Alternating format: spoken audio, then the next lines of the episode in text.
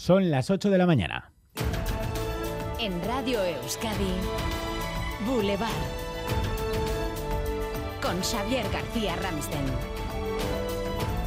¿Qué tal, Un Día importante para la Ley Vasca de Educación, la ley de la legislatura. Este mediodía se cierra el plazo para la presentación de enmiendas y está por ver si los dos socios de gobierno, PNV y PSE, siguen negociando para ver si presentan enmiendas de forma conjunta o no. Hoy, por tanto, toca empezar a poner las cartas sobre la mesa.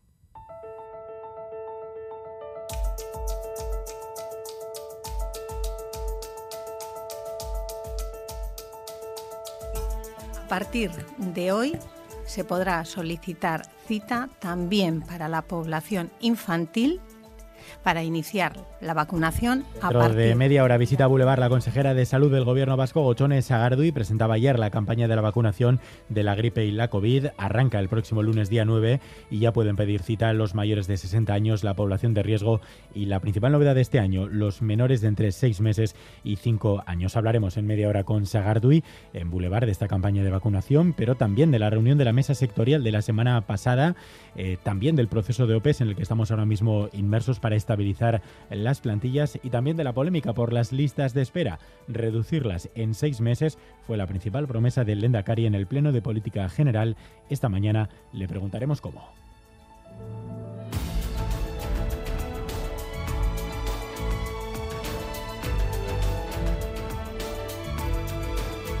Y otra previsión importante del día, el rey Felipe VI va a designar hoy a Pedro Sánchez como candidato a la investidura tras escucharle primero a él y después a Núñez Feijó. Sigue allanándose el camino al que estos días le ha puesto además una alfombra el expresidente Zapatero con esa carta, ese manifiesto de apoyo a Sánchez que han firmado todos los secretarios del partido, entre ellos el de Guipúzcoa, José Antonio Asensio, que se ha pasado esta noche por los micrófonos de Gambara. Ese ejecutivo socialista o progresista que necesita este país y por tanto que sea abierto, que avance en el diálogo necesario dentro del marco constitucional, lo decimos abierta y claramente, hay que ser prudente, al mismo tiempo hay que tener paciencia, hay que tener mucha discreción y constitución. Y por tanto yo creo que esas son las cuatro palabras y los cuatro ejes. Los cuatro ejes que podrían desembocar en el gobierno progresista. El PNV insiste en que no vale con la investidura. Ramiro González ayer en Boulevard. Yo creo que Sánchez no tiene que mirar o no debería, no debería mirar solo a la fecha de la investidura, tiene que mirar el día siguiente de la investidura. No es suficiente solo con un pacto de investidura, es necesario un pacto de legislatura. Coalición Canaria que apoyó a Feijón no cierra la puerta ahora a apoyar a Sánchez y, ojo, se hace valer sumar. El acuerdo está lejos, decía ayer, tras verse con el rey Yolanda Díaz. Saben que nunca me levanto de una mesa y, por tanto, eh, sin lugar a dudas, vamos a concitar un gobierno progresista, pero, insisto, estamos lejos. Enseguida, a las ocho y media en los diálogos, analizamos la jugada con Iñaki García Nuño, Aitor Buenaga y Estichu Garay. Además, Leire García Gunón, en Río Jalavesa se buscan fórmulas para mejorar las medidas de seguridad en las bodegas. Las instituciones de la comarca se reunieron ayer tras el fallecimiento de dos hombres en Lanciego. La alcaldesa Itziar de Álava en Gambara pedía compromisos para evitar más accidentes. Se valoran posibles actuaciones poniendo arneses, eh, sujetos en el techo, arneses que estén manejados por una persona que esté fuera, entonces aquella persona que tiene que bajar al lago de alguna manera baja con una doble seguridad, eh, porque el arnés está sujeto por otra persona en Murcia, las discotecas que se incendiaron el pasado fin de semana funcionaban sin licencia. Fallecieron 13 personas. El ayuntamiento asegura que tenían una orden de precinto, pero desconocen por qué no se ejecutó esa orden. Antonio Navarro, concejal de urbanismo, respondía así a las preguntas de los medios de comunicación. La orden que se dio fue concretamente de precinto. ¿Por qué no se ejecutó?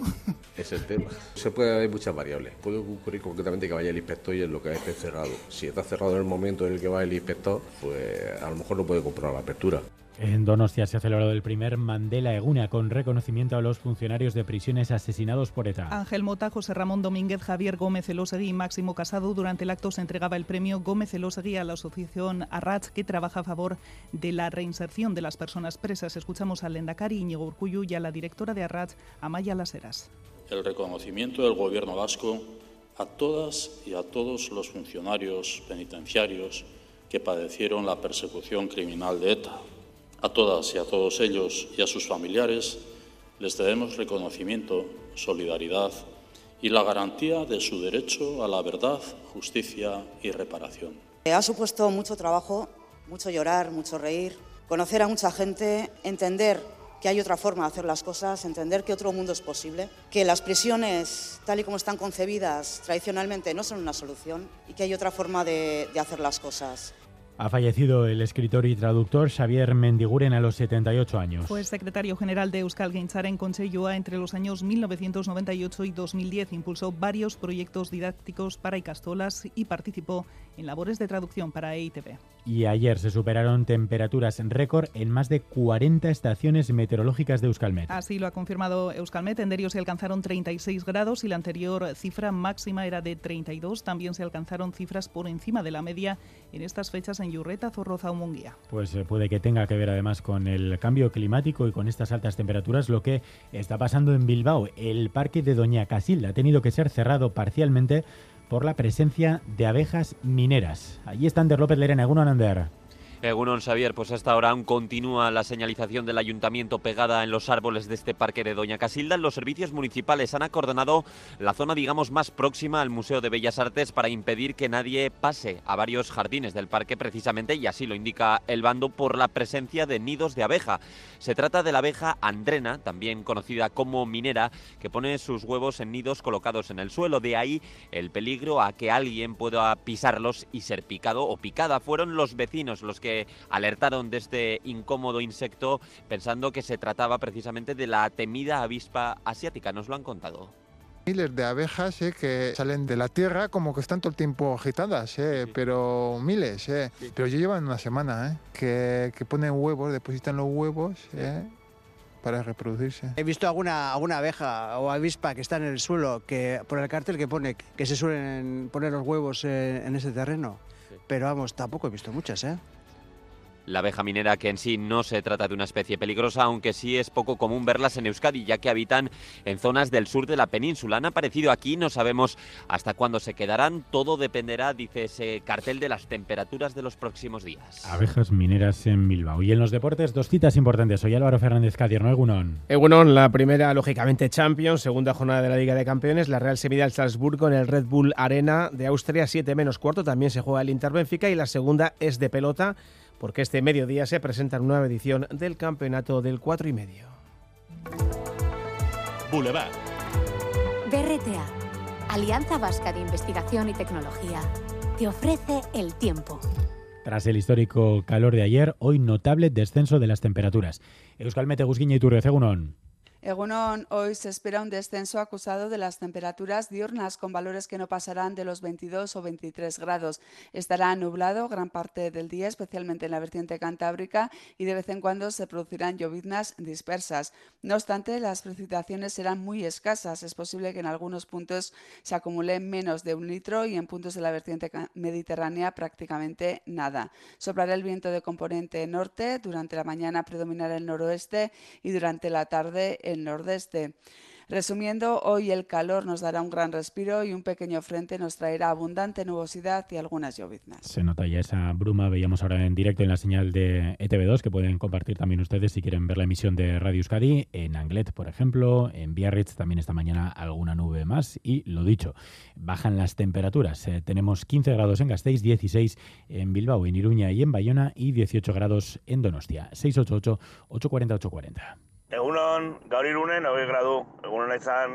Egunon tik-tik, gabornikanotik, amamos gradu eta zerua lainotuta dago. Primeran pasa, astea!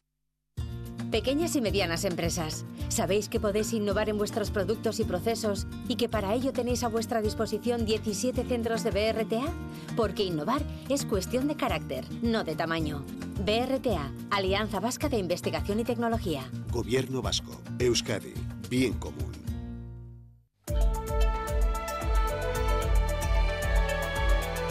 Boulevard. Tráfico. ¿Algún problema en las carreteras, Leire? Sí, retenciones en la variante de Donostia a la altura de Riberas de Loyola en sentido Aricheta, es la Guipúzcoa 20. Se ha registrado una colisión entre tres vehículos y el Departamento de Seguridad recuerda que dos autobuses averiados están generando problemas en Zuya en la P8 en sentido Zaragoza y en Deva en el kilómetro 58 y medio en sentido Irún. Recupera los contenidos de Radio Euskadi en la web eitv.eus y en la app EITV Nayeran.